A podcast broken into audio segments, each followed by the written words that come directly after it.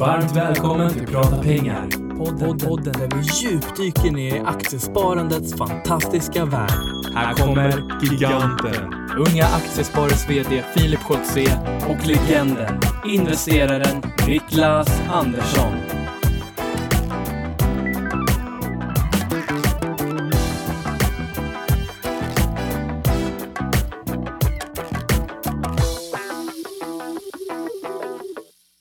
Då säger vi äntligen måndag och varmt välkomna till podden Prata pengar. Idag Niklas är det bara du och jag i studion. Ja, men det stämmer. Eller nej, det är Patrik är här också, men det är bara, det är vi tre, det är järngänget. Mm-mm, det stämmer alldeles gott och jag reflekterar över, precis som vi sa här innan vi började spela in, att det är avsnitt 69. Ja, Vilket är lite roligt. vad tänker för du vi... på då? Ja, jag tänker på att vi har...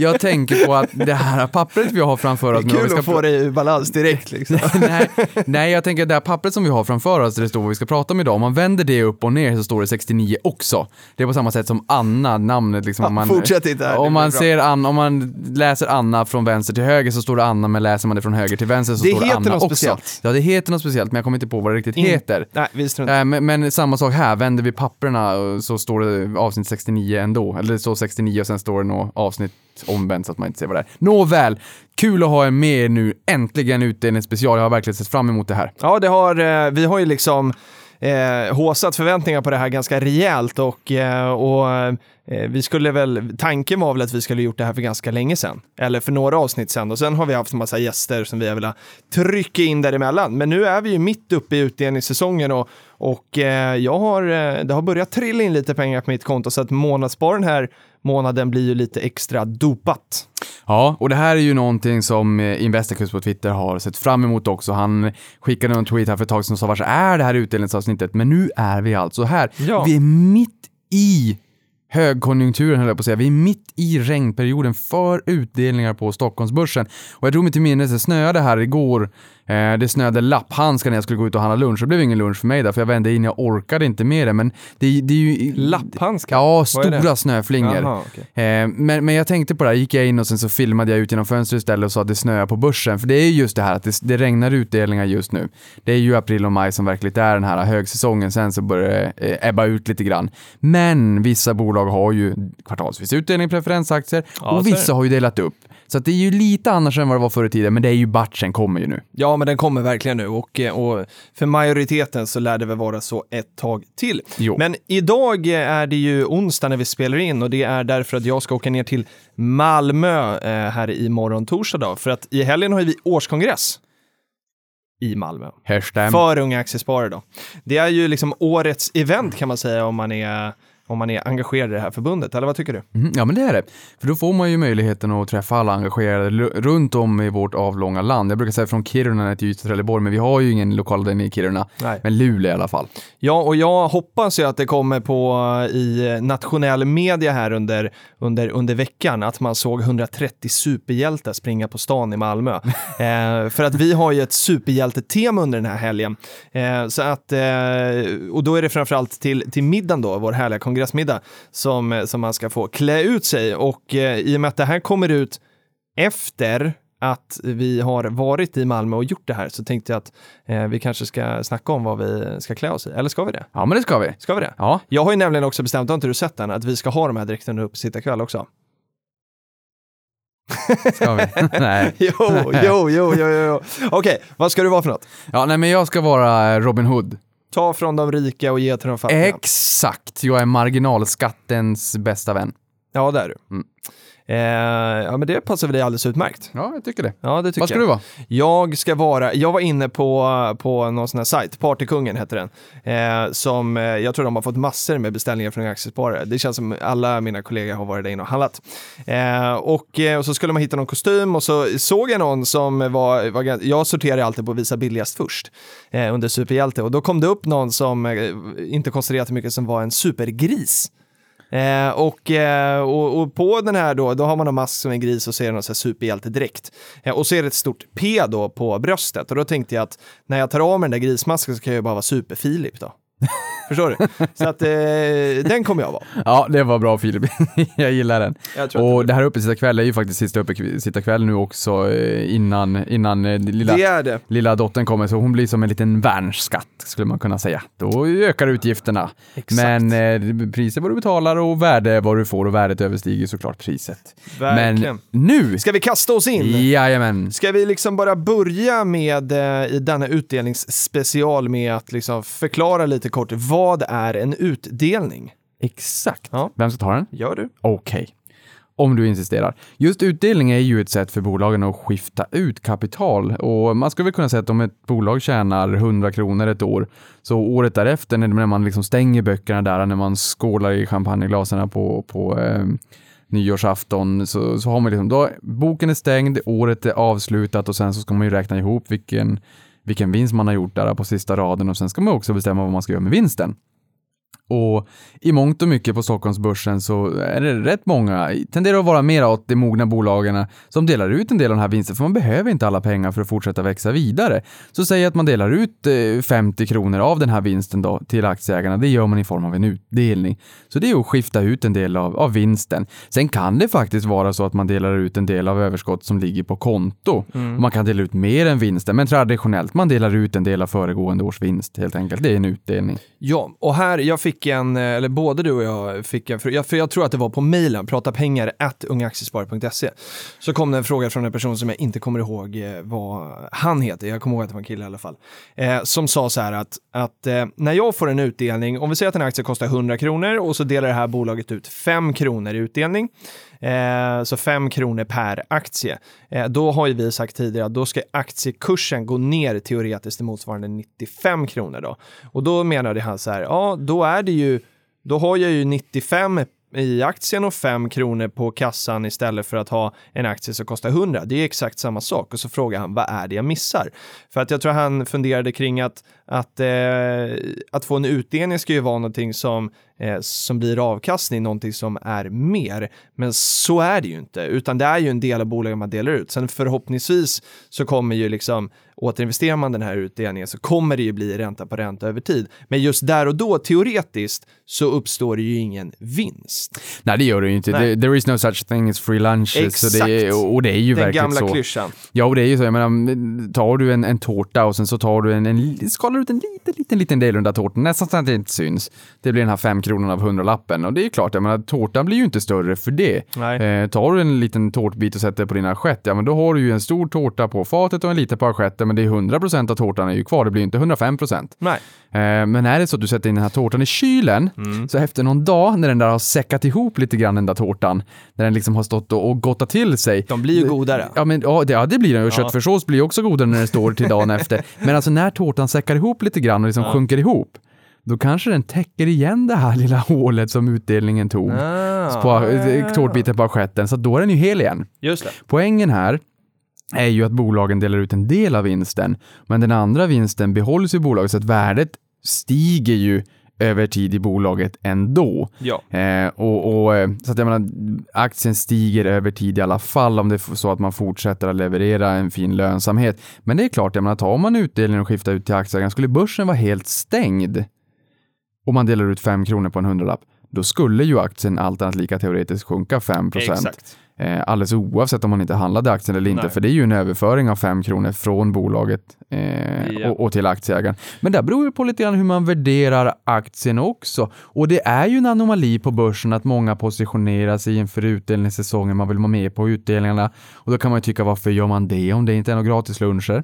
Mm. Ja, det finns ju pensionsbolag, stiftelser. eh, Stora pengar. Stora pengar som behöver utdelningar. Det kanske är att det är något pris som ska delas ut, men Ja, priset det. finansieras av utdelningen och att man behöver komma åt den. Så allt är inte alltid strängt kalkylerande, nyttomaximerande, men de som tycker att det inte är en gratislunch, de har ju helt rätt. Men aktier tenderar att stiga ganska eh, per omgående i alla fall. Det här beror på sentiment. Är börsen sur så gör den förmodligen inte det. Är börsen positiv så gör den nog det. Men eh, även fast det inte... känslan då liksom. Ja, även fast... Ma- eller så här, vad ska vi säga? Eh, vad, eh, vad hur ska vi översätta sentiment? Ja, sentiment, ja men det kan man ju översätta om Ja, det så här, kan- Ja men ja. kommer man in, kommer man in i, liksom, i, i ett rum där ens kompisar är så märker man ju ganska snabbt om det är en, en lite sur stämning eller om det är exakt. liksom happy days are here again. Du vet 1987 på börsen, happy days are here again, tre veckor senare så tio dagar som förändrade världen. Där är ju två exempel på, den bilden har jag på min dator på jobbet. Eh, fysiskt påklistrad på min Aha, burk så att säga. För att Bara inte glömma bort. Eh, Men, men just det där, olika sentiment. Är det bra sentiment, positiv, happy days eller är det väldigt negativt eh, och jobbigt kanske som under finanskrisen? Just det. Men bolaget här då, styrelsen inför den här eh, årsstämman då, som ju också är ofta nu på våren, eh, så sitter styrelsen och eh, tar fram ett, eh, de tittar på ekonomin och så ser de att så här, ja men vi gjorde den här vinsten och vi föreslår då till aktieägarna att vi ska dela ut så här mycket. Och, och, det här ska vi ju dyka in lite grann på, hur, hur stor andel som man delar ut av vinsten och vad det finns för för och nackdelar och sådär. Men det är, det är ju så de gör och så vill de ju då dela ut den biten som, som eh, de tänker att så här, de här pengarna behöver vi inte. Mm. För att de kanske inte ser investeringsobjekt eller ser några möjligheter till investering för bolaget och då är det bättre att aktieägarna får behålla pengarna. Filip, du är, eh, du är ett geni. Du påade mig för en utsvävning utan att du ens visste om oh, det. Ja, vad spännande. Ja, för just det här när det, det är kom... så det går när man har gjort 60 69-poddar tillsammans. Just det här när det handlar om, om eh, vem som bestämmer det här med utdelning och så här, du pratar operationellt i bolaget. Bolaget operationellt går till jobbet, jobbar varje dag, säljer kläder om det är H&M, säljer telefonabonnemang eller servar kundservice och kunderna om det skulle vara Telia eller vad den kan tänkas vara, säljer mat om det är ICA. Det är operationellt. Sen har man ofta en verkställande ledning i bolaget som, som på toppen ser till att allting fungerar överallt i, i på, på golvet så att säga operationellt. Så att vi har liksom både längst ner på linjen, eh, du och jag kanske på Avanza Nordnet, sen har vi en ja, verkställande... jag är ju inte på Nordnet. Nej, jag vet. Jag, jag, jag, Jag lever i det förgångna. Unga Skulle vi kunna säga att du är på golvet på Avanza och jag är i, i det här eh, toppskiktet på aktiesparare? Ja, det är ju faktiskt som vd. Förbannat. Kan vi Fast backa från det, det här roliga är när exemplet? man, det roliga är när man är, när man är i toppskiktet på Unga Aktiesparare så är man också på golvet. Det är det som är så kul i den här rollen. Man är ju Ah. liksom både på golv och på Platt organisation, så nu fick du in det där, organisationsteori. Nej, men just det här operationella. Eh, så man går till jobbet, man jobbar varje dag, sen har man den verkställande ledningen, rapporterar ofta upp till styrelsen. Styrelsen möts ett antal gånger om året, har mera så strategi, vision, mission, långsiktigt navigera, vart är bolaget på väg? Man, då, då man duttar inte i det operationella till vardags. Det är eh, vd och nu, jag glömde faktiskt bort vd, det är ju vd och verkställande ledning som sköter det. Ja, Styrelsen lägger fram förslag till årsstämman om utdelning. årsstämman är Sen är årsstämman aktieägarna och det är ju bolagets högst beslutande organ. Precis som årskongressen är Unga Aktiesparares motsvarighet. Precis Det som det bostadsrättsföreningen är Ja. bostadsrättsföreningens eh, högst beslutande organ. Men om man då tänker så här. Föreningsstämman, förlåt, föreningsstämman såklart. Ja, eh, och från ett aktieägarperspektiv då så tänker jag så här att eh, vill man då att bolaget ska dela ut de här pengarna eller, eller inte? Är det positivt eller negativt? Ja, det får man ju, eh, det, kan man ju fundera lite på, men och vi kan gå in på det utifrån bolagets perspektiv. Men från ett aktieägarperspektiv så, så, så finns det ju också lite, för att koppla tillbaka till den här frågan om så här, eh, om jag får 5 kronor och aktien går ner till 95 så är det plus minus noll. Ja, det är det, men samtidigt så har du ju fått en utdelning, du har realiserat en vinst utan att det har liksom kostat dig någonting. Du har inte behövt sälja av några aktier och därmed liksom eh, behöva betala den här avgiften courtage då. För det vet vi också, jag tror att det är Per Börjesson som brukar säga det, att eh, de här transaktionsavgifterna är finansbranschens liksom levebröd någonstans. Och att man ska vara försiktig med det och hålla ner avgifterna så mycket som möjligt. Och kan man då få en utdelning till sitt konto utan att behöva sälja så är det faktiskt eh, ganska bra.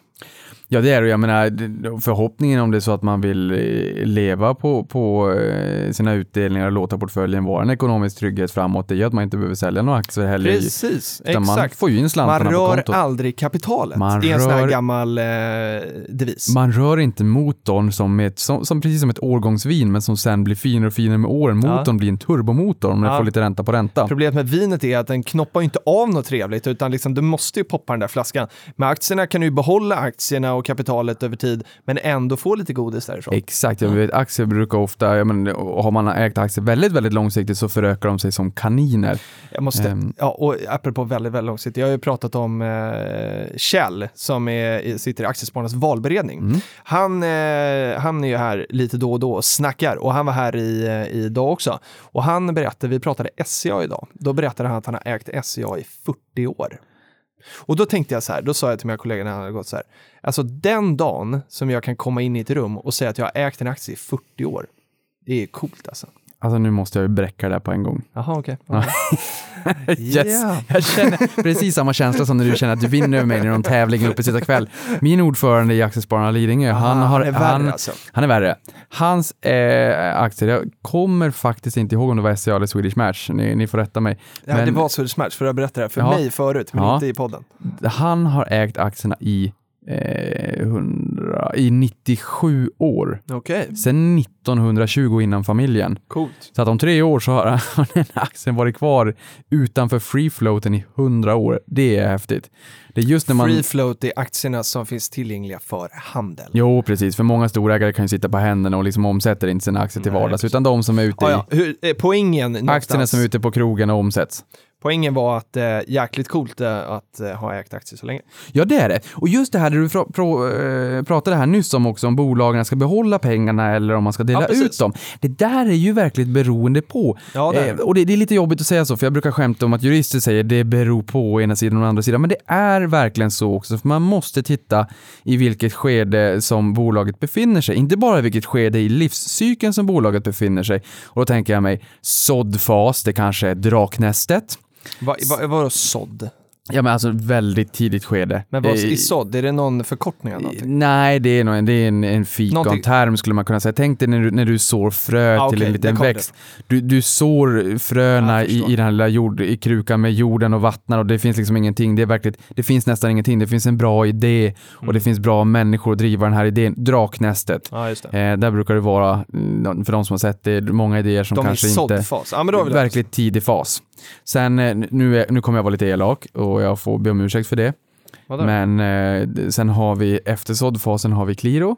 Eh, som, eh, Alltså, nej, nej, Okej. som, som för eh, er som inte har lyssnat på det, alltså, Niklas återkommer till det här bolaget titt som tätt. Ja, det, det är gamla CD-ON Group som eh, de bjöd på kalldusch efter kalldusch efter kalldusch som ville växa, men lönsamheten var inte så viktig.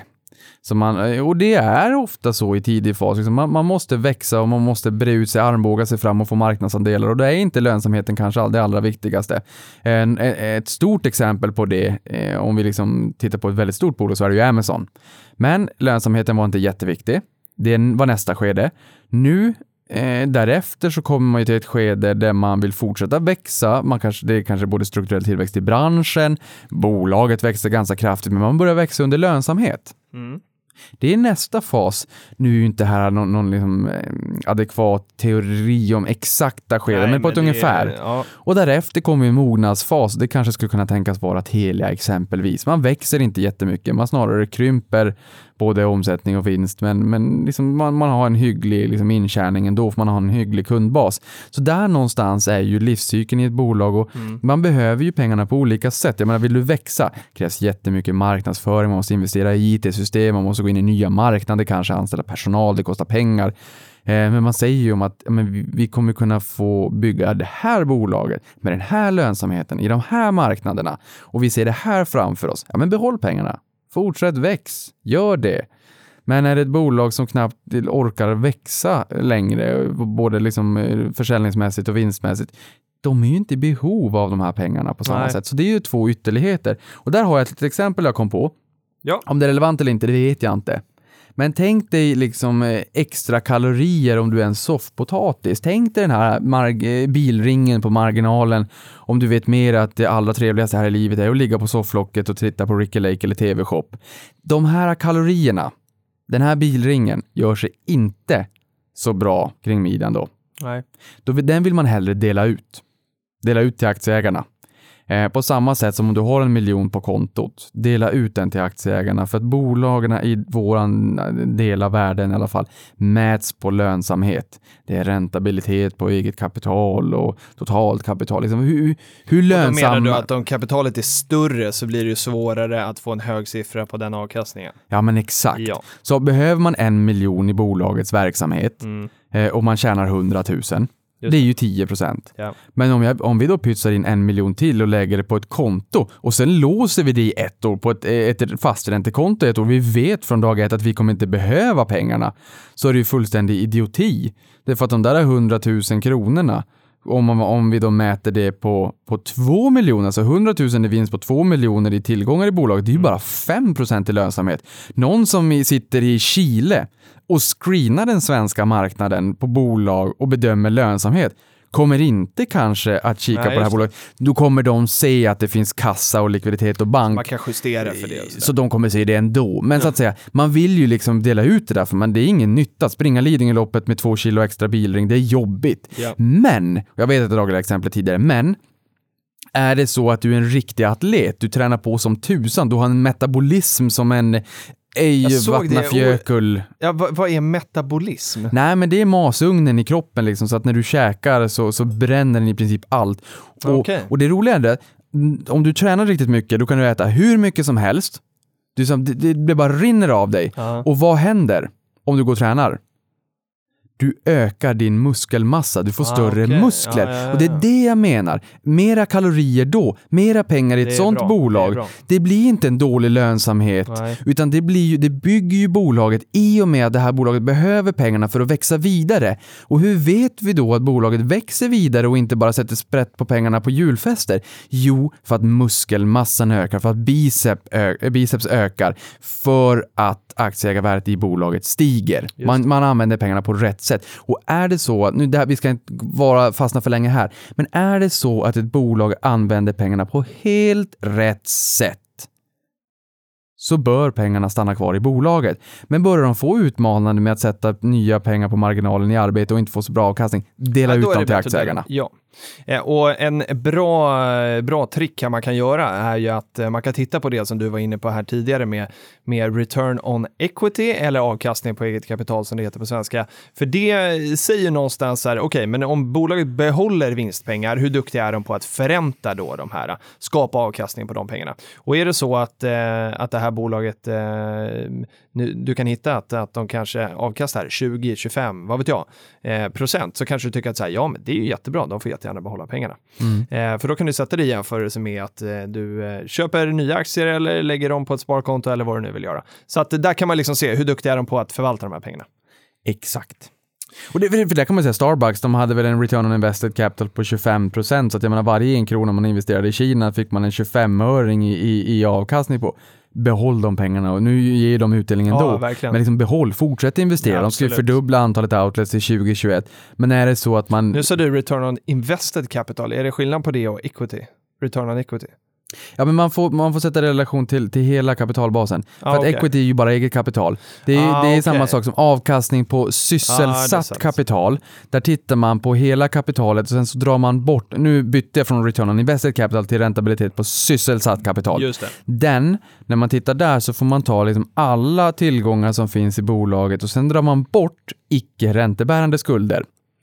För då ser man vad har jag för vinst på sista raden i förhållande till allt totalt kapital som är ställt till mitt förfogande. Vad har jag egentligen för avkastning? Om jag helt och hållet om jag inte bryr mig om hur kapitalstrukturen ser ut. För ni som har handlat derivatprodukter vet ju att om ni köper en aktie och den går upp 1% så går den upp 1%. Men köper ni en hävstångsprodukt gånger Ja, två, precis. då kommer aktien gå upp gånger två. Det är Exakt. samma sak när det kommer till kapitalstrukturer. eh, Ja, kapital, vi, vi pausar det för att det är lite för, eh, det är väl svårt. för stort. Det enda vill- ja, det, behöver inte vara svårt, Nej. vi kan göra det enkelt, men vi får, ta, vi får ta det i ett annat avsnitt. Det enda jag vill säga med icke räntebärande skulder, Ja. det är typ eh, Axfood, eh, Willys, Hemköp, Prisextra. De kanske får inlevererat en massa varor, ketchup eller vad det är, och det här ska de betala på 30 dagar till leverantören. Om du får en räkning från en elräkning Mm. så är det ju ingen ränta på den. Nej. Det är en icke-räntebärande Ah, okej. leverantörsskuld exempelvis. Men nu går vi eh, vidare. Vi tar det sen. Eh, sen då, eh, när vi pratar utdelningar så finns det lite olika typer av kulturer i olika delar av världen. Eh, och i Sverige är vi ganska duktiga på att ha en så kallad hög direktavkastning och det betyder att eh, man tar den här utdelningen som är föreslagen att delas ut i förhållande till vad aktien kostar. Eh, och då kan det ju vara 3, 4 eller 5 procent eller någonting sånt där när man tittar på Stockholmsbörsen. Men i USA, om man tittar på andra sidan Atlanten, så eh, när man tittar på just direktavkastningen så brukar jag i alla fall se att den är betydligt lägre än på många bolag i Sverige. Eh, däremot så är de väldigt duktiga på någonting som heter utdelningstillväxt. De är alltså väldigt duktiga på att öka utdelningen varje år eh, relativt högt och också under väldigt lång tid. Och då ställer vi oss frågan, vill man ha en hög direktavkastning eller hög utdelningstillväxt? Ja, och eh, svaret är på att det beror på. Alltså jag kunde ju bjuda in Nikolas. Han hade ju kunnat svara samma sak på alla frågor som jag ställt till. Det beror på jurist. juristen alltså. Ja. Nej, men alltså det, det, det som är i det Du här har fallet. helt rätt Niklas. Ja, just hög direktavkastning kontra utdelningstillväxt. Mm, jag skulle säga att jag föredrar utdelningstillväxt. Det är ju tråkigt egentligen liksom att kanske köpa de här aktierna som har 1,5 procent där någonstans. Ja, det finns ju många sådana. Ja, för det blir ju så konkret. Jag menar, ser man att ja, men den här aktien, den ger mig ju 4-5 procent i direktavkastning egentligen eh, direkt. Så att säga. Ja, det är exakt. där det ligger. Så att var, varje tusenlapp investerat ger mig 40-50 kronor om året. Trevligt. Men Problemet där är ju att eh, vi har liksom en kultur av, vad ska man säga för att hålla tungan rätt i mun? Mm, man skulle kunna säga att vi har en, en ehm, Menar En- du att svenskarna gillar direktavkastning? Ja, men man skulle kunna säga att vi har en skara bolag på den svenska börsen som tillhör PRO. Jaha. Eller Alltså- pratar du om aktiespararna nu eller? Ja, Nej, ska... nej men det jag menar är att det finns liksom en skara seniora pensionerade aktier på, på Stockholmsbörsen som är pensionerade i den bemärkelsen att de kanske inte växer sådär jättemycket längre, de är ganska mogna i sin livscykel, de delar ut en stor del av vinsten, det gör att det blir en fin hög direktavkastning. Men, De har liksom kommit, de har toppat den här kurvan och det är på den här mognadsfasen. ja. Där det bara tuffar på. Sen kan det ju vara så att de fortsätter öka över tid, men jag menar vi har de exemplen, vi har eh, och sen kan det också vara farligt för just det här, eh, svenskarna har en förkärlek till direktavkastning, många i alla fall, inte alla men många. Och det kan vara farligt att leta de här aktierna som ligger allra högst. Jag skulle vilja säga att Stockholmsbörsen 2017, OMXS30, de 30 mest omsatta aktierna på Stockholmsbörsen förväntas yielda eller ha en direktavkastning på 3,7 procent okej. i år då. Ja, men då har man något att utgå ifrån. Ja, för, för det, högre än det blir lite högt och lägre än det blir lite lågt. Och Filip, om det är så att man ligger över det, Ja, då finns det några tecken man ska kika lite extra på. Ja, jag tycker det. Och eh, ofta är det väldigt många som hamnar högre för att något som är väldigt populärt i, i våran värld är att göra såna här listor. Ja. Eh, folk älskar ju listor i det här landet också. Eh, Tre sätt att bli rik, tre sätt Ja, men med... typ. Och så här, de här aktierna ger högst direktavkastning eller delar ut mest pengar och sådär.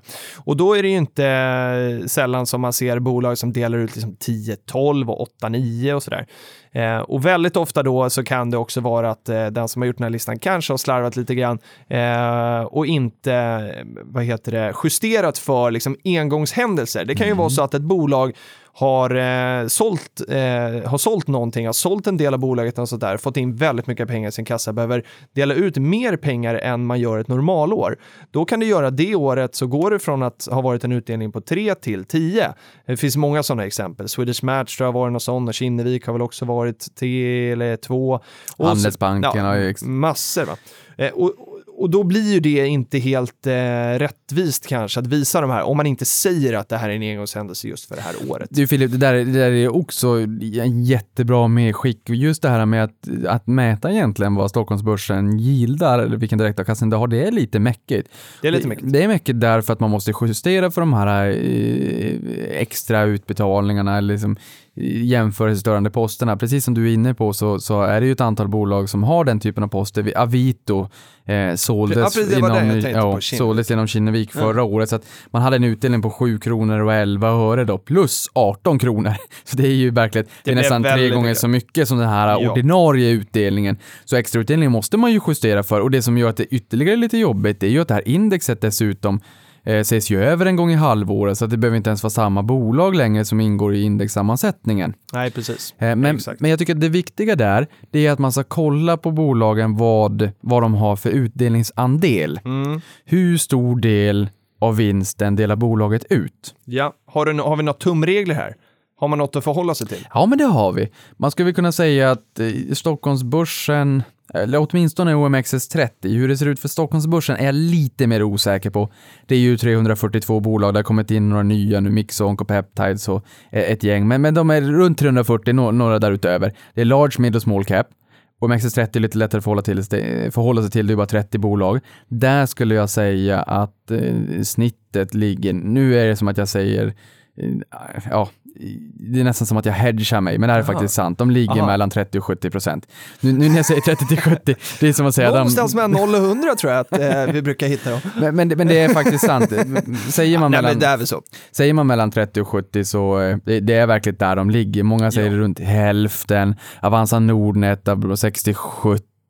Vissa ligger på 30. Så 30-70 fångar in de flesta bolagen faktiskt. Ja. Och, det här brukar stå i de finansiella målen. Ja, och det man kan göra här om man eh, är lite nyfiken, om man går in på ett bolag och tittar, nu ska jag se var, vart de här ligger, för jag vill lära känna det här bolaget. Titta då på konkurrenterna, alltså titta på samma bransch, jämför inte kanske SCA med, med eh, Handelsbanken, utan liksom jämför SCA med Holmen och, och motsvarande Handelsbanken då med SEB kanske, så att du liksom jämför med de som är lika. Eh, för, och det här är vi ju ofta i den här podden när vi är inne på eh, och pratar om, eh, vi pratade om det tidigare idag Niklas, att eh, när vi hade eh, Jonas från Affärsvärlden här så pratade vi om vad är ett fint bolag eh, och, eh, och så, så landade vi då så här att ja, men rörelsemarginal på 20% är jättefint. Men det finns ju bolag, ja, men som vi har pratat om dagligvaruhandeln då, så Axfood och ICA som bara ligger på liksom 3-4. Så att ha alltid med det när ni lyssnar på oss eller på sånt här generellt, att jämför alltid med motsvarande liksom konkurrenter så, så kommer ni kunna hitta de här intervallen ganska bra. Ja men det där är precis jättebra medskick för att jag la ju in en bild på Axfood som Ja, vi kommer att diskutera senare i avsnittet. Och sen så ringde jag till dig när jag var på väg hit bara för att säga Filip, jag, har- jag har lämnat jobbet i tid. Jag kommer komma tidigare än vad jag brukar göra, vilket i princip aldrig händer. Och sen så jag har lagt in en bild över Axfood också och sa, jag vet inte varför. Du bara, nej, jag vet inte varför heller. Men under de här fem minuterna så tyckte jag att det var en genialisk Ja. eh, idé att ha med Axfood just för att de snurrar ju varulagret som en torktumlare. Exakt. Eh, vil- vilket innebär att man ändå, trots en bruttomarginal som ligger, eller brutto, men trots en, en marginal som är väldigt låg, så lyckas man ändå eh, få en väldigt, väldigt fin lönsamhet på kapitalet och det kommer vi komma in lite närmare på. Ja, det kanske vi gör. Vi, eh, vi har, jag, ska, jag kan, eh, ska vara väldigt transparent. Du har gjort agendan idag, den är jätte, jättefin. Det är jättemycket bra innehåll. Vi har Men sex ganska ostrukturerad. Sidor. Nej, den är, det är faktiskt bra struktur, men vi har sex sidor. Vi har kommit ungefär en tredjedel av första sidan eh, och halva podden har gått. Ja, men då vill jag säga att mi- mi- Så nu sätter vi lite fart. Ja, mitt, Eh. mitt knep för att Filip ska tycka att jag har en struktur, det kan jag väl så här också bara ge det hemliga tipset. Det var att jag högst upp i hela agendan på de här sex sidorna så skrev jag vad är utdelning? Ja, precis. Det är den röda strukturen. Men det, det blev väldigt bra. Ehm, Okej, men vi var inne på hög direktavkastning kontra utdelningstillväxt. Eh, Ja, och där har jag några exempel. Ja, men kör. Eh, Exakt, för att Dividend Kings och Dividend Aristocrats kommer vi att komma in på. Ja, du kan Dividend, ta dem nu om du vill. ja, Dividend Aristocrats i USA, de gillar lister likväl som oss, kanske till och med mer. Just eh, Aristocrats, eller utdelningsaristokrater, är bolag på S&P 500 som har lyckats höja utdelningen minst 25 år i rad. Just det. Det finns några andra kriterier, men det är huvudkriteriet att säga. Och sen så har vi Dividend Kings och de har lyckats höja utdelningen i minst 50 år i rad. Och vet du vad direktavkastningen i snitt bland de här bolagen är? Nej, 2,5 procent. 2,5. Ja. Poängen Det var här, ganska långt ifrån de här 3,7. Långt ifrån 3,7 på OMXS30, långt ifrån 6-7 procent som de här bolagen med hög direktavkastning på Stockholmsbörsen har. Och det är det som är min poäng. Det kanske är mer intressant att köpa en aktie idag som delar ut en lite mindre andel av vinsten, men som har och som dessutom lyckas öka vinsten över tid. För det är det som driver aktier långsiktigt. Det är ju att det bolaget är lönsamt att tjäna pengar. Exakt. För om bolaget tjänar ännu mer pengar och utdelningen är 50 procent av vinsten och vinsten ökar så ökar ju faktiskt utdelningen över tid också. Eh, så att kanske är bättre att hitta de här bolagen som är väldigt duktiga på att öka utdelningen eh, år över år snarare än de som delar ut nästan hela resultatet, ligger på en 6-7 procent i direktavkastning, det ser mumma ut, de delar ut nästan hela resultatet, resultatet växer ingenting. Det blir ju som, en sån här, det blir ju som ett glastak, de tar sig ju ingenstans. Kan, eh, nu har jag hittat en rolig grej som du har skrivit i agendan som jag tror är bra att få in här. Och det är den här kopplingen mellan stigande vinst och stigande utdelning. Ja. Kan vi få in den lite i det här? Ja, det kan vi definitivt För, så att man inte, för då, då flyttar man ju det här glastaket hela tiden, eller hur?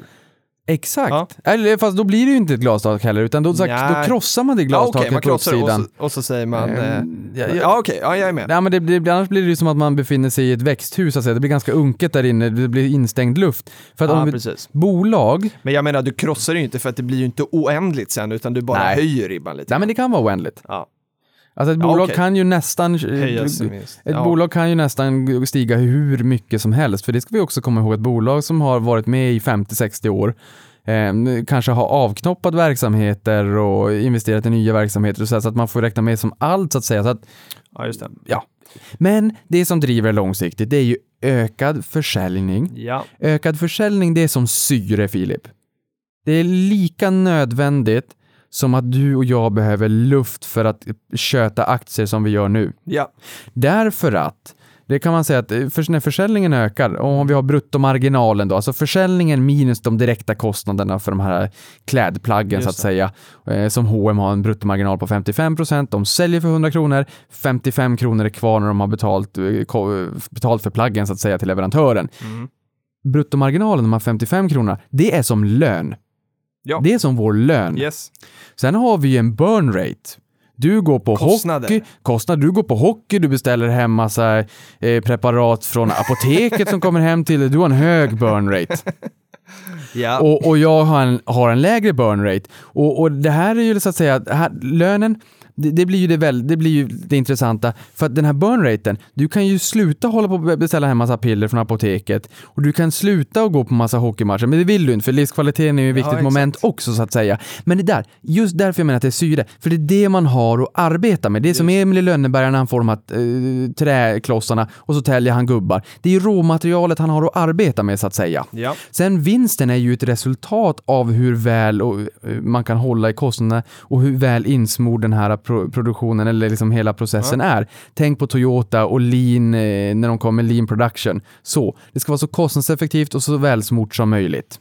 ja. Och när vinsten ökar Mm. i de finansiella målen, de allra flesta bolagen säger att vi ska dela ut 30 till 70 procent av vinsten sa jag. Bolaget säger inte 30 till 70, det är jag som säger att, att hela börsen Ja, ligger där. ja. Men bolaget kan säga att vi ska dela ut 50 procent av vinsten. Okej, vi har ett bolag som säljer, eller som har en vinst på 10 kronor idag, Mm. delar ut 5 kronor. Sen ökar vinsten från 10 kronor till 20 kronor. Mm. Då kommer de dela ut, För de ska dela ut Lika- 50 procent. ja det blir 10 spänn. det Det blir blir 10 lika kronor. mycket som hela vinsten då. Ja, då har, då har vi haft en, en utdelningstillväxt på 100 procent. Ja. Skulle det vara under en femårsperiod, då är det ju 15 procent om året. Mm. Så det är just det där, en ökad lönsamhet. Bolaget måste ju tjäna mera pengar för att kunna öka sin utdelning. På Absolut. samma sätt, du och jag har ju en sparkvot. Japp. Vad, om inte vi ska öka sparkvoten i procentuella termer, Mm. men vi ska öka den i kronor och ören, vad måste hända då? Eh, Våran lön. Ja, ja, ja, precis. Då måste den ju röra sig. Måste öka. Yes. Samma resonemang. Helt rätt. Okej, men eh, så, så vi kommer ju tillbaka till, oavsett vad vi pratar om i det här programmet, eh, vad som driver aktier och eh, så, så är det ju vinsten. Det är dit man kommer jämt, eller hur? Ja, men det är vinsten. Sen kan man ju säga att vinsten kan ju, kan man ju mecka lite grann med, med så här bokslutspolitik Ja, okej. och avskrivningar och så här kassaflöde Så kassaflöde men- är viktigt i det här också då? När vi säger vinst så säger vi i generella termer att bolaget ska tjäna pengar och att de ska få, äh, tjäna ännu mer pengar i framtiden än vad och de det gör kan idag. man också se genom kassaflödet ju. Jo. Ja. Eh, Så, att, så att på frågan hög direktavkastning kontra eh, Ja. utdelningstillväxt, eh, fördel utdelningstillväxt. Ja. För vi har sett Telia, Yes. det jag har pratat många gånger om guldet som kanske blir kattguld. Ja. De gick från 3 kronor ner till 2 kronor, de sänkte utdelningen 33 procent. Ja. Ratos, för ett antal år sedan, Yes. sänkte från 6 kronor till 3, 50 procent ner. Ja. Ericsson hade höjt i åtta år, sänkte. Mm. Så att eh, man får liksom inte, och de, det här är alltså... Hellre de, någonting stabilt över tid. Typ Castellum är ju ett sånt eh, exempel som är duktiga på Ja, att ha Och utdelningstillväxt. där har vi slutet på avsnittet. Har vi li- lite eh, aktier som alltid har höjt, aldrig har sänkt med mera från Hernhag. det. Ja, vi kommer, Mm, ja, vi mm. kommer dit då. Okej, men vi säger så här, eh, nu är ni med på vad en utdelning är, varför bolagen delar ut, varför vi som investerare vill ha en utdelning.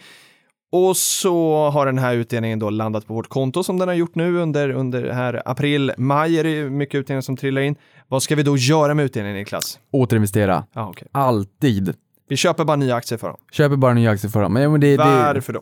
ja, men därför att där får du ju verkligen ränta på ränta-effekten på riktigt. Ja. Och sen är det ju också så här att när jag en gång i tiden jobbade som rådgivare så brukar jag alltid säga att man ska ha koll på eh, vad man har för syfte med pengarna. Mm. Vad, vad, vad är det för pengar? Vad ska pengarna användas till? Är det en kontantinsats? Eller är det en ekonomisk trygghet i livet? Eller är det det här drömmen om sommarboendet när du är 50 fast du är 20 idag? Eller vad är det? Just det. Vad har du för tidshorisont? Under hur många år? Tiden på din sida, det är din största edge. Tid och avkastning. När gör det ont i magen? När, när har du svårt att somna på natten? När, när gör det verkligen ont? När tycker du att det här inte är roligt längre? De grejerna tycker jag att de frågorna ska man verkligen ställa sig själv. Men är det så att man är ung, har tiden på sin sida eh, och liksom är dedikerad för att spara, ja då är en återinvesterad utdelning eh, E4 till att bygga upp en förmögenhet. Eh, och sen så vill jag också skicka med där att ha en riskspridning i portföljen för att eh, hur fint ett bolag än är så kan det ju faktiskt smälla och då spelar det ingen roll att man återinvesterar utdelningen. Exakt. Eh, och du har gjort ett litet roligt räkneexempel här också för hur man skulle kunna, vi säger då att man har, när du var rådgivare, du frågar liksom vad ska du med pengarna till, man har kanske ett mål med vad man ska göra eh, för de här pengarna och då kan man väl använda utdelningen på, eh, på ett litet sätt för att räkna ut hur mycket kapital behöver jag? Exakt. Och, och där kan man ju säga att först så finns det kanske två, två typer av, av människor. Det kanske finns de som bara vill maximera värdetillväxten i portföljen. Då är det totalavkastning som gäller, kurstillväxt plus utdelning. Då blir inte utdelning kanske alltid jätteintressant utan det är den totala tillväxten som gäller. Just det. Kursutveckling plus utdelning. Ja. Och är det så att bolaget är sjuhelsikes duktigt på att förvalta pengarna och investera rätt och man får en hög lönsamhet, behåll pengarna då. Mm. Men är man äldre Filip, börjar man närma sig pension? 30 kanske? Nej, börjar man närma sig 65 säg. Att man, att man tänker på refrängen. Nu är det ju så här att jag Mm. Ja. menar, vartannat barn förväntas leva till 100 som föds idag så att man har ytterligare 35 år i, Exakt. men, men det är så att det är en extremt lång horisont ändå. Ja. Men, men då kanske det är mer så här, mm, ja, det är klart att jag har haft en lång horisont, men alltså en liten del av, av eh, kapitalet kanske man vill eh, använda för att sätta en guldkant på tillvaron. Då behöver du inte ens eh, sälja den här pengamaskinen, utan du kan ju bara ta en andel Exakt. av utdelningen, precis som bolagen har finansiella mål. Vi delar ut 50% vi behåller 50% i bolaget. Här kan du säga att vi har återinvesterat 50% i portföljen. 50% går till att skapa en guldkant för mig och min familj varje år när utdelningen kommer. Så det där är två olika typer av människor. Ja. Och det är viktigt att känna av vad är viktigast för just mig. Men precis som exemplet här, det är ju kanske att kunna tänka också så hur mycket pengar behöver jag då för att kunna täcka mina omkostnader som jag har i livet med utdelning. Och ja, en elräkning kanske ligger på 300 kronor om man bor i en lägenhet. Om vi tar 300 kronor då eh, och sen så gångrar vi det här med 12, för utdelningarna räknas ju på årsbasis helt enkelt. Då vet vi att 300 kronor i månaden gånger 12 månader, det är 3600 kronor. Ja. Då delar man det beloppet med den direktavkastningen man tror att man kan få Mhm. i decimalform. Då ser man hur mycket kapital man behöver investera för att kunna täcka den här kostnaden för all framtid. Just det. Och då kan man ju tycka, ja men elräkningen kommer ju stiga. Ja, men förhoppningsvis har du ju en Utdelnings- utdelningstillväxt Exakt. också. Bra. Inkomst av kapital, Jajamän, löneförhöjning i portföljen. Jag tar 3600 kronor delat på 0,0. Nu är jag lite tråkig. Jag, Nej, brukar, jag brukar vilja dela på 6-7 procent för att jag tänker så här, okej, men då tiltar man det. Man toppar och tiltar mot de bolagen som har högst Ja, direktavkastning. det. nu tar jag Stockholmsbörsens snitt istället. Det är mycket bättre. 3600 delat på 0,037. Ja. Det är alltså 3,7 procent. Det innebär att om du investerar 97 297 kronor på börsen Mm. och får en, ut, en direktavkastning på 3,7. 3,7 procent, Mm. Då får du ju 3600 kronor om året. Då kommer ju utdelningen för all evig framtid förhoppningsvis betala just den här elräkningen. Och börjar man tänka i de termerna så alltså det kittlar lite grann. Det kittlar och det som eh, kittlar lite om man skulle vilja göra här i ett ännu större perspektiv och det som, som ju faktiskt är mitt mål med mitt sparande och, det, och för dig också sådär när vi pratar ekonomiskt oberoende, vad är det då? Eh, och när du och jag var i Uppsala så tror jag att jag drog den här eh, om att jag har ett mål att ha 10 miljoner i min portfölj. Eh, för att om jag har 10 miljoner. Eh, då kan jag liksom, likt som du räknar nu, om jag får då 3 säger vi, jag är, du brukar toppa och jag brukar sänka lite för att räkna lågt, eh, så jag får 3 i utdelning då, då får jag 300 000 per år. 300 000 delat på, på 12 är 25. Mm Så då får jag 25 000 i månaden i lön och då, har jag, då vet jag så här att ja, men skulle jag få 25 000 i lön då varje, varje månad, då skulle jag kunna leva ett, ett väldigt, väldigt gott liv. Mm eh, för då täcker jag mina kostnader kostnader som jag har för boende och el och allt det här och eh, kan ändå gå på lite hockey ibland. Så, så, så, där kan man liksom, när man tänker pensionssparande eller till vilket mål man nu ska göra eh, sitt sparande till, eh, så, så, räkna så här baklänges för att eh, då, då, få, då vet man hur mycket behövs. Och så kan man också då räkna såklart på hur mycket måste jag då spara varje månad för att nå det där målet om 40 år eller när man nu vill nå det. Exakt, och det där är ju en jätterolig... Men det kan vara kortare mål också. Det kan vara jag ska som, köpa en båt eller jag ska köpa en ny cykel eller mm. vad man nu vill.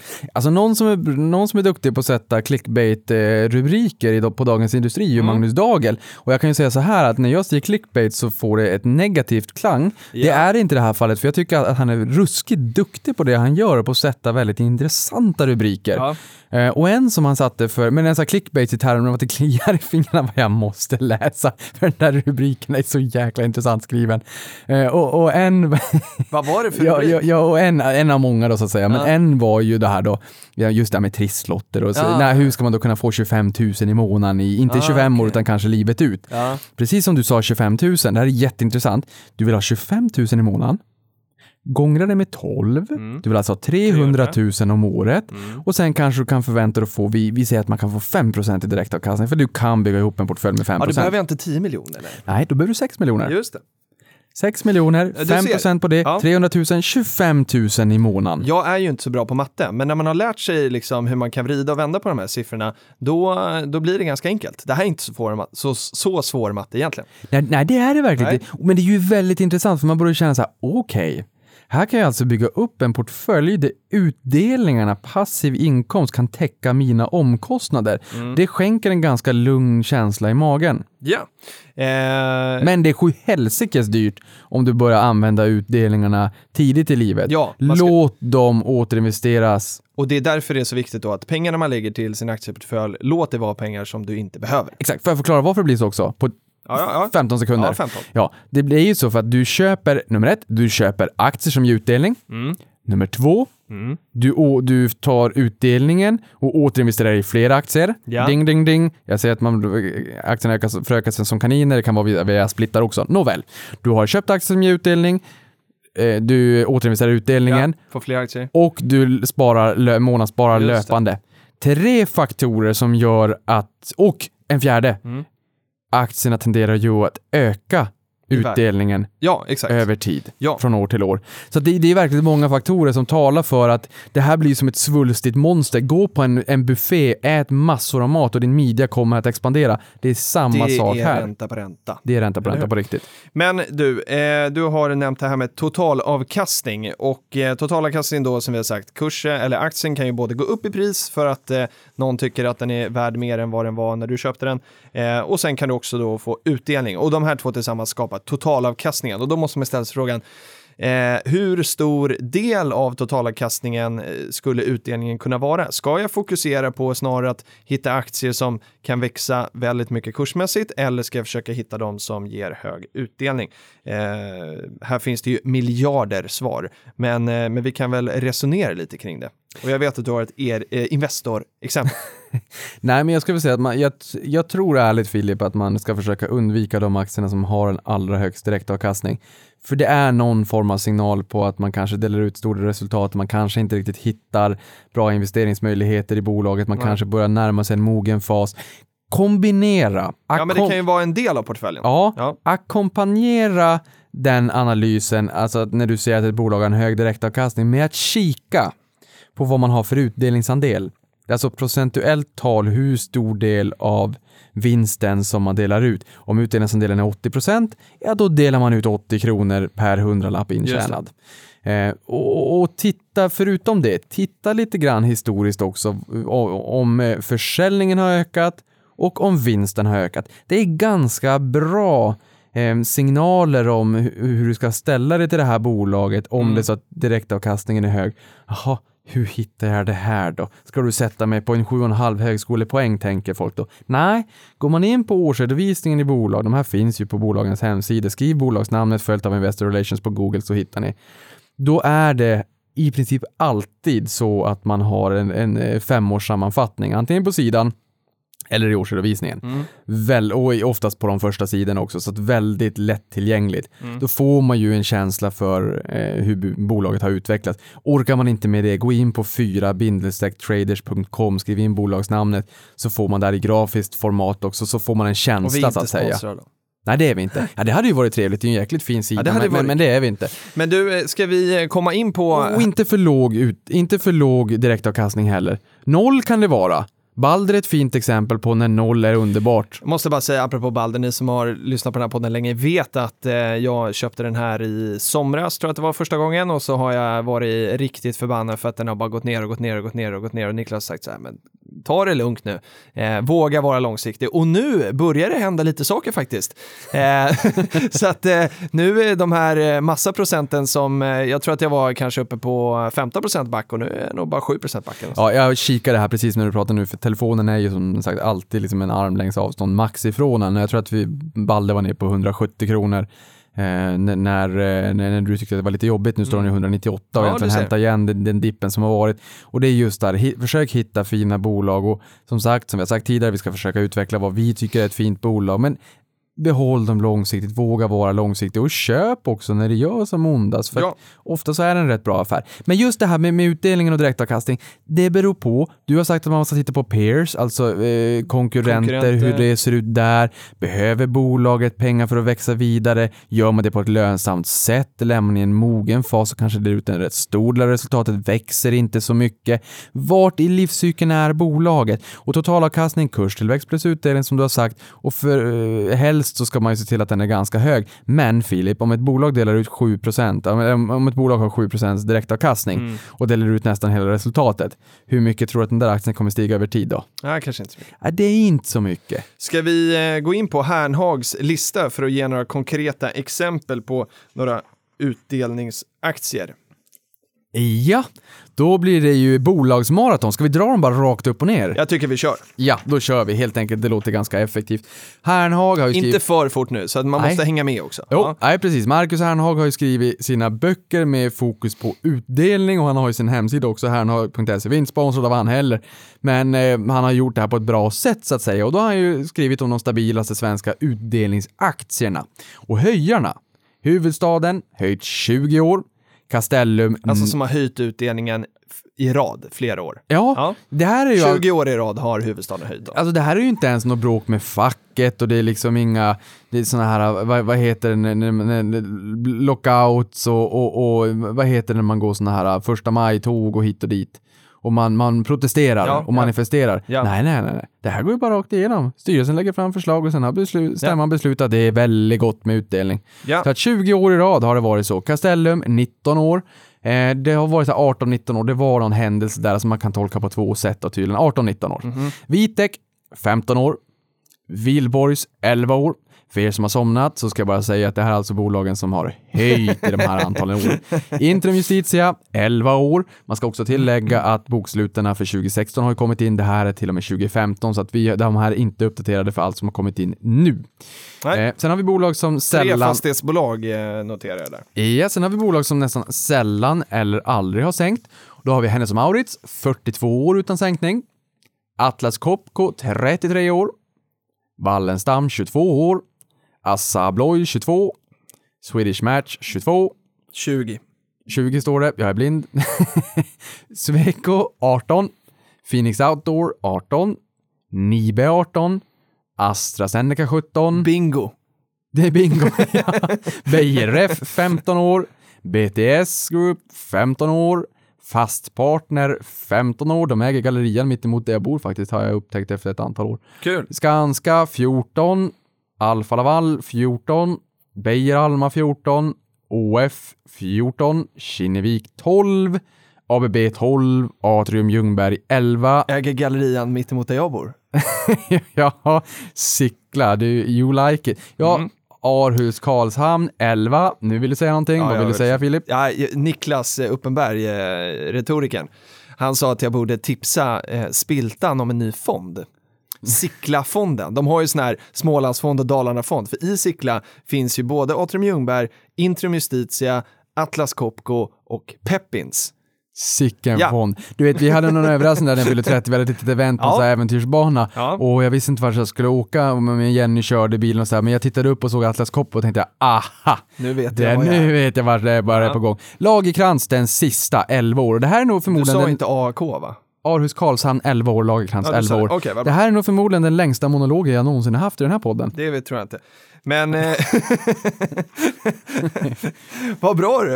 Eh, Ja, och sen så just det här, vi pratar om Dividend Aristocrats och Dividend Kings. Ja. Vi, jag har ett blogginlägg på jobbet som jag skrev i januari. Jag tar den informationen från januari för det är ju inte så länge sedan. Nej. Då var det totalavkastning då i bland Dividend Aristocrats. För er som inte kommer ihåg, det är alltså amerikanska bolag som har höjt ut den i minst 25 år i rad. Eh, sök på Dividend Aristocrats på internet, titta på Google på bilder så kommer ni se, jag har gjort en bild på alla de här bolagen. Eh, de steg 21% year on year eh, från januari då till januari 16. Ja. P talet förväntat 2017 låg då på 21,8. Mm. Direktavkastning på 2,5. Utdelningstillväxt, löneförhöjningen i portföljen alltså, 8,4 procent. Vad säger det här oss? Det är alltså inte pro så hög direktavkastning som möjligt, utan det är utdelningstillväxt. ja, Antal år av höjningar, 43 stycken just det. i snitt. Ja. Sen har vi Dividend Kings. Det är ju alltså bolagen som har lyckats höja utdelningen i minst 50 år i rad. Och det är alltså samma år som Sverige gick över till högertrafik. Kommer ni ihåg det? Nej, Nej, inte så många. Det innebär att det var ganska jag sett länge bilder sedan. dock. Ja, det är ganska länge sedan det, det skedde, 1967 då i det här fallet. Just det. Ehm, och då kan vi säga snabbfaktan här då att totalavkastningen senaste året 23,7 procent på dem. Mm. P tal 21,7. Precis en, 0,1 eh, procentenheter under Aristocrats. Direktavkastning 2,5 procent, lika. Utdelningstillväxt 8,4 procent, lika. Och antal eh, år av höjningar i snitt 56 år. Ja. Och här Filip, man ska inte underskatta signalvärdet med ett bolag som har lyckats höja i 50 år i Nej, rad. verkligen. Sannolikheten är rätt stor att de lyckas höja ett år till och jag menar de ligger på snitt 2,5 procent. Det är väl klart att de kan höja för att det, är så liten Ja, andel av absolut. vinsten tror jag. Det som man ska tänka på här, och det har ju du pratat om, eh, eh, inte i podden kanske, men, men det är ju också att när man är med på en sån här lista så kanske man ju absolut inte vill kliva ur en sån här lista. Och då är frågan om man varje år verkligen tänker på bolaget och aktieägarnas bästa eller om det finns en liten eh, eh eh, liksom någonting som gör att man känner så här att men vi måste ta det här beslutet för vi kan inte ryka från den här listan. Då skapar vi större problem än att vi gör det bästa för bolaget just det här året. Förstår du vad jag menar? Mm. Ja, alltså det... Man, ja, man kan bara ha med det i bakhuvudet någonstans, men sen Ja. är ju, är man på en sån här lista så osar ju det kvalitet, så det är ju inte dåligt att vara med där, men du förstår kanske vad jag menar. Ja, men, nej, men det gör det inte. Det, är- det är som man säger, om man, börjar, om man eh, dricker en öl eller ett glas vin så är det klart att det rubbar ju eh, din, din, o- ditt omdöme och dina sinnen. Och det är ju egentligen kanske samma sak om det så att du har varit med på den här listan Dividend Kings för tacka tusan för att det är en prestigefull lista. Åker du ut därifrån så kommer du aldrig under din karriär Nej, att ta tillbaka bolaget. Det, hinner du inte. Nej. Och därför vill man ju liksom att in, inte åka ut från den här listan. Det är klart att på marginalen så påverkar det ju besluten också. Det kanske är så att man tar ett lån för att dela ut, ge utdelningen snarare än, än att eh, sänka den. Just det. Så att på marginalen. Eh, du har någon bild där det står utdelning är aktieägarnas bästa vän. Är det någonting eh, sista vi, eh, du vill dra från den? Ja, men det här är ju rätt intressant bild för eh, det har ju Anders Haskell från eh, Aktiespararna som har skrivit den här boken Bli grymt rik på aktier. Han hade ju ett exempel i sin bok då eh, att eh, Ratos hade skrivit eh, och- om utdelningar, aktieägarnas bästa vän. Sagt och gjort, jag gick in på årsredovisningen 2011 och hittade den här på sidan 22. Eh, Och det är ett ganska intressant exempel just det här med vad utdelningen faktiskt gör över tid. För där drog de ett exempel att 1000 kronor investerat på i en Ratos-aktien 1954 hade växt till 8,5 miljon Oj! fram till 2011. Så det är ju en enorm utveckling. Men Filip, Ja. vad händer om, det, om man inte borstar tänderna? Då kan man få hål i tänderna. Exakt. Vad händer om man inte återinvesterar utdelningen? Då kan det bli hål i portföljen. Exakt. Så att från eh, 8,5 miljon som man hade fått om man hade återinvesterat utdelningen, Mm. så om man hade glömt bort det av någon anledning, Mm. så kommer eh, investeringarna gått från 1000 kronor Mhm. till 900 000 kronor istället för Ah, 8,5 oj. miljon. Så det blir en Oj. enorm skillnad. Och är det någon som vill förkovra sig i den här typen av statistik Ja. så ska man läsa boken Get Rich with Dividends. Ja. Den är helt fenomenal. Skriven av en amerikan. Enormt mycket exempel i den här boken. De, det, det överröses av exempel. Och det roliga Filip är ju att där har man ju den typen av exempel. Vi pratade nyss om Sverige, Härnhags tips. Där har alltså den som har lyckats höja flest år var 20 år. Här pratar vi om USA, 25 år, 50 år, 56, uppåt 61 år på den som har lyckats höja mest. Det det. finns ju fenomenalt mycket exempel att dra därifrån. Det gör det. Och det gör den där boken. Jag vill varmt rekommendera folk att läsa den. Ja. Eh, och eh, sista frågan jag tycker vi ska svara på innan vi kör nyhetssvepet här eh, är om man måste återinvestera utdelningarna i samma bolag. Och nej, det tycker jag inte att man, att man måste. Jag gör ju snarare så här att jag, jag låter det bara liksom hamna i Eh, månadsspåret kommer ju här nu eh, samma dag som den här kommer ut, eh, har vi uppe sitta kväll, så det är väldigt nära lön och månadsspar. Eh, och då låter jag bara utdelningar som har kommit under den här månaden liksom, eh, addera till, till de köpen.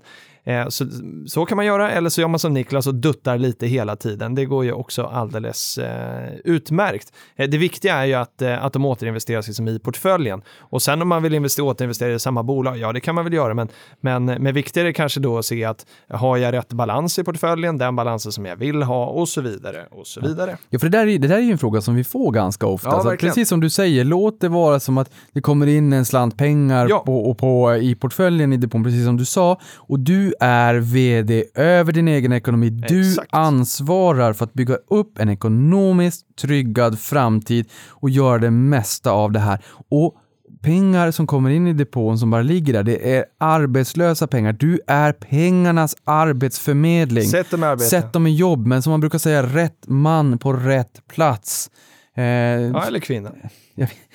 jag funderar om jag skulle säga det. Var så här, det, det, är, det är ett Jag unisex-uttryck, men Ja. ni, ni fattar vad vi menar. Ja. Så att sätt dem i arbete där ni tror att de gör rätt, bäst arbete. Och du sa att jag hade ett exempel med Investor också. Mm. Jag är ju 30. Går man tillbaka till 1987 så en tredjedel av kursutvecklingen i Investor är, kommer från att aktierna stigit. Två tredjedelar kommer från utdelningen som Ja, återinvesteras. Det, det är liksom, jag, jag kan till och med göra som så här att är det så att någon önskar sig och få veta lite grann hur en aktie har gått, inklusive återinvesterad utdelning, skriv det under hashtag prata pengar så tar jag fram det ur min terminal, för det kan man göra ganska enkelt. Man blir rätt enkelt väldigt förvånad över vilken enorm styrka eh, och, och, och avkastning man får över tid om man räknar med återinvesterad utdelning. Det är helt fenomenalt. Yes. Våga bara vara långsiktig. Våga vara långsiktig och återinvestera utdelningen.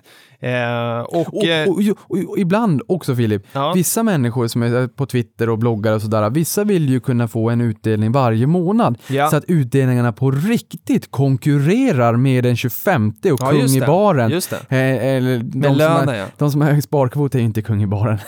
kan man inte skriva på krita. Nej, det var det inte. Så en, en lapp, IOU som det var förr i tiden.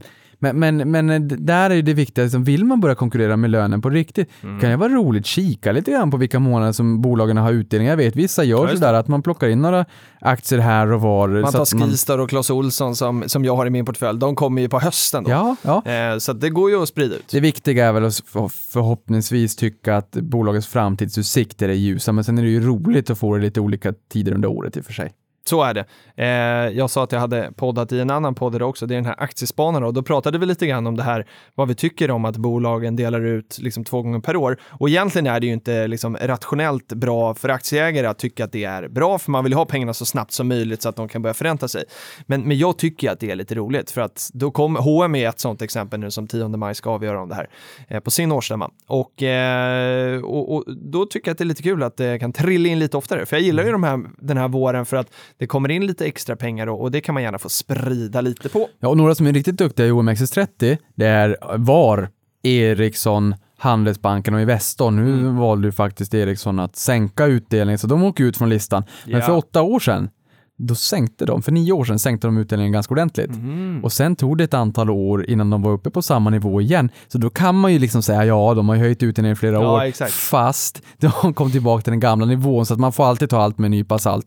Eh, Men de höjde i åtta år och sen så slocknade den stjärnan helt enkelt. Så att Handelsbanken och Investor är väldigt duktiga i OMXS30 och det roliga här med Investor är att de har ett sinne för humor. Jag vet, jag har sagt det här tidigare. Det har du gjort. Men från, jag tror att det är från 3 kronor eller om det är från 4 kronan så har Investor höjt utdelningen med en krona varje år. Så från 4 till 5 till 6 till 7 8, 9, 10, 11 och nu kanske nästa år blir 12. Märk väl att en krona från 11 till 12 är lägre procentuell höjning än från 4 till 5 som är en 25 procentig Det är höjning. procenten som räknas? Exakt.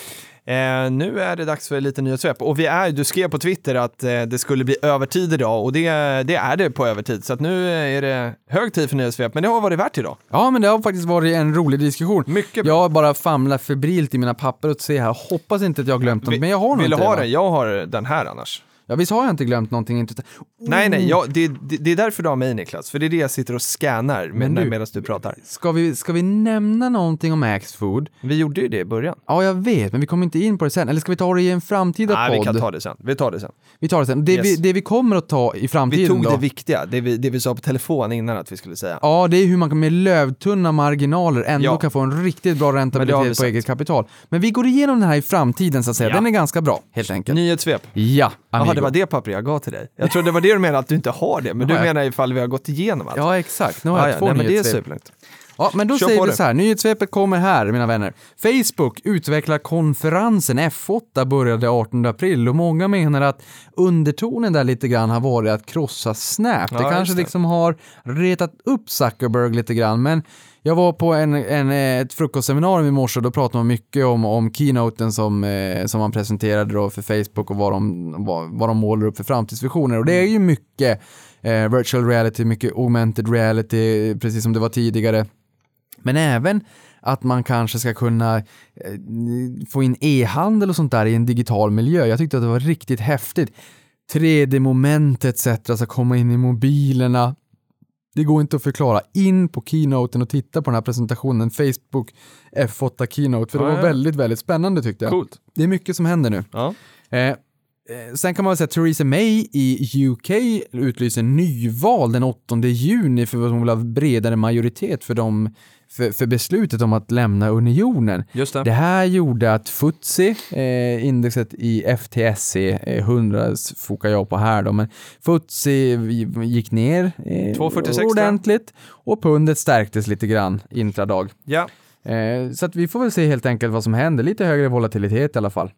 Sen Alibaba, Just det. kinesiskt bolag, gick in på Nasdaq här för några år sedan på 38 kr- dollar vill jag minnas. Gick väldigt, väldigt starkt första dagen. Nåväl, det som är intressant med dem det är att de vill ta e-sport till de asiatiska spelen år 2022. Och det här är en asiatisk motsvarighet till OS, olympiska spelen, och det har funnits sedan 1951. Mm. Men de har även ambition om att ta eh, spel till eh, de olympiska spelen. Det här är ganska imponerande Filip. Det här vittnar ju verkligen om vad som händer bland e-sporten nu. Den växer. Och tittar man på global basis så har jag då hört att e-sporten ska både vara större än fotboll och hockey.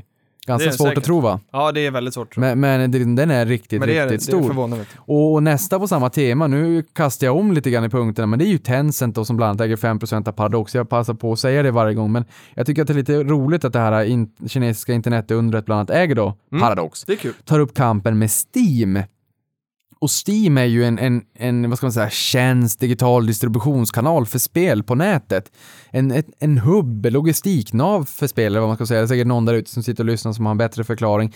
Men nu lanserar man en egen tjänst här som, man, som kallas för WeGame och tar upp konkurrensen då mot Steam. Och det är faktiskt så här att man har redan 200 miljoner användare i Kina. Precis startat. Men 200 miljoner är så en liten pyttedel, för det är så mycket människor där. Eh, sen eh, Phoenix Outdoor går in som 75% ägare i sin sydkoreanska distributör och det här finansierar man med en nyemission. Det här är kanske vad man skulle kunna kalla då för en offensiv nyemission, till skillnad från en defensiv som brukar få en aktie på fall. Det här är ju mer eh, optimism och framtidsanda. Eh, Så det här tar ju investerarna säkert bra med ro Ja. och framtidsoptimism. Och Sydkorea är en av världens största outdoormarknader, visste du det? Ingen Nej, aning. men nu vet du. Spotifys aktie har rusat 50% på kort tid. Jaha. Hold your horses, tänker man nu. Vadå? De är ju inte noterade. Nej, men på den in- inofficiella marknaden. Och GP Bullhound mäklar tydligen aktier i det här bolaget då. För de vill ju in på börsen i USA. De ryktas ta sig in där innan årsskiftet. Vi får se om så blir fallet. Och man eh, siktar på en värdering kring eh, 10 miljarder dollar. Just det. Men det här är ju onoterat då. Ja, det- det- Onoterad det- miljö. Det, det är en onoterad miljö, Ja, precis. det är inte att du och jag kan komma med våra månadsspar och bara tjena, skulle vilja ha, ha en liten stek. Ja, teoretiskt så skulle det vara möjligt om vi tjatar så jäkla oförtrutligt att de blir så less på oss att de säljer en aktie till oss. Det är sant. Det är Så sant. teoretiskt att säga. Eh, sen kan man säga Facebook, också ganska intressant. Facebook har stigit 694 procent sedan all time low. De gick in på börsen den 18 eh, maj 2012. Sen så gick de ner väldigt mycket. Eh, jag tror att de gick ner... Mm, mm, mm, Jag kommer inte ihåg. Nej, de vände på 13 dollar eller någonting. Då var ner väldigt, väldigt mycket, säg 50 procent eller något sånt där. Sen är de upp eh, 694 procent sen, sen all time low. Och det här är ganska intressant för att även topline har följt med och även vinsten. Vet du hur mycket vinsten har ökat? Nej, jag är ju aktieägare så att jag borde veta, men nej, det vet jag inte. Vinsten har ökat 191 000 procent sedan 2012. Jag har ju sett att aktien har gått väldigt bra i min portfölj. Ja, då förstår man att den har exploderat. Jag tror att jag sagt även det här en gång tidigare, men på de senaste åren bara så är det så att eh, den globala marknadsandelen på, på reklam, eh, 50% av Just den det. går till YouTube och eh, Facebook. YouTube, Google, Facebook. Ja. Vilket är helt galet och Facebook värderas till 91% av hela OMXS30. Det säger någonting. Japp. Nästa bo- bolag här, det är på samma tema. För Apples kassa uppgår till 56% av värdet på hela OMXS30. Så det här är lite feelgood reflektioner som jag har gjort. Det är en helt makalös kassako. Det är, är lite likt Korsnäs inom Kinnevik en gång i tiden som var eh, eh, kassakon då innan man eh, puttade ut det här till Billerud som blev Korsnäs. Billerud, Men Kors, de hade inga 56% av Stockholmsbörsen. Korsnäs Billerud. Nej, det hade Nej. de inte. Sen Snap, Snapchats moderbolag som noterades andra, eller eh, jo, andra mars då, är upp 18,7 procent. Men kopian, Insta Stories, som Instagram ägs ju av Facebook, är upp eh, och har gått om dem. Mhm. Bara efter åtta månader så är man om dem. Man har 200 miljoner dagliga aktiva användare mot 150 Jaha. miljoner, 150 miljoner då för Snapchat. Och det intressanta här är ju Då är också... han eh, nöjd, Zuckerberg då. Ja, det är han. Och alltså Snapchat har ju en värdering kring 200 miljarder kronor. Ja. Vet du vad Facebook betalade för Instagram 2012? Nej. En miljard dollar. Vi sätter den var, vi sätter den var sju kronor så här. Sju miljarder för Instagram som har gått om Snapchat som gick in för 200 miljarder. Man förstår liksom att det är svindlande summor det handlar om, men att det är Facebook gjorde nog en rätt bra affär där faktiskt. Det Sen kan man säga Goldman Sachs tycker att Victoria's Secret som ägs av L-Brands och Nike är varumärken för millennials. Och Mm. jag tycker inte att man ska underskatta millennials. Så det är en, ett argument som de hade där var att millennials, alltså de, de, de som är födda kring millennieskiftet, där är ju jag gammal, du är faktiskt också gammal i det fallet. De är ju födda i en digital miljö. De är födda med internet, de är födda med mobil i handen. De är helt beroende och jag, re- reflektionen jag drar här att oh, det blir jobbigt för de bolagen som inte lyckats med den digitala omställningen. Verkligen. Och att den digitala omnikanalen, den dig- den digitala miljön. Sist men inte minst Filip, Netflix Ja. spås, jag tror att jag har dragit över tiden och jag njuter av det. Ja, 11 och en halv minut. Ja, Netflix spås nå 100 miljoner användare den här veckan. Oh, kul. Det är, det är ju en milstolpe. Alltså för ett år sedan så låg de på Betalande då. Ja, Ja. för ett år sedan låg de på 80 miljoner användare. Ja, det är svårt att uh, använda det utan att betala. Ja. ja. Ja, ja, Ja. okej då. Men nej, alltså, nej, nej, men, det, jag var, men- jag, det var kritik till mig själv, att här, jag borde tänkt ett steg längre. Nej men alltså de, växer på rätt, rätt ordentligt och jag gjorde en sån där poll eh, där jag frågade hur många som använder en streamingtjänst och inte Mm. bara Netflix utan streamingtjänst Ja. för det finns ju andra också. Visst. 80% använder en streamingtjänst idag. Okej. Så att jag menar, det, den har ju verkligen, just streamingtjänst som fenomen har ju fått en ordentlig penetration. Ja.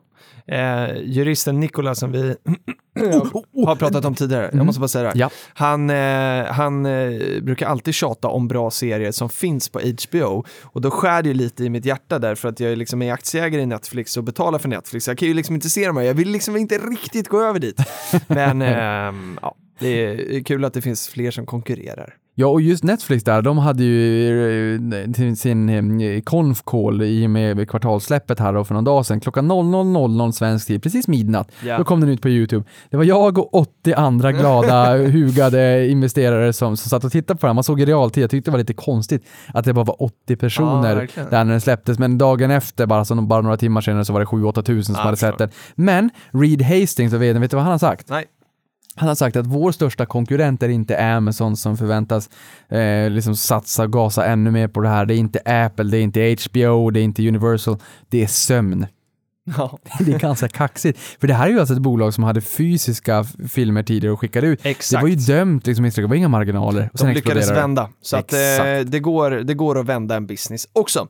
Eh, är alldeles uppenbart. Hörru, jättestort tack för eh, den här podden idag. Tack till dig också Patrik som har varit tålmodig när vi går så här på övertid. Men det har varit roligt. Det var värt det idag. Ja, och jag tror att snittet för det här året, för det här kommer jag på nu, snittet för, för Stockholmsbörsen, utdelning ligger på 63% om man tittar på alla. Jag sa ju att det Ja. var 30 till 70. Ja. Snittet de facto förväntas är 63. Okej. USA 36. Ja. Men vad gör amerikanerna?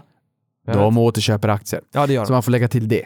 Ja, Ah, de har, just det. Men det, det har vi pratat om tidigare. Vi kan komma in på det en annan gång också. Ja. Tack för idag ni! Tack för idag. Och glöm inte att se Uppesittarkväll ikväll. Ja. Om ni hör det här på måndag morgon. Exakt. Eller måndag förmiddag eller något sånt där. Vi hörs då. Avkastning på det hörni. Hej hej.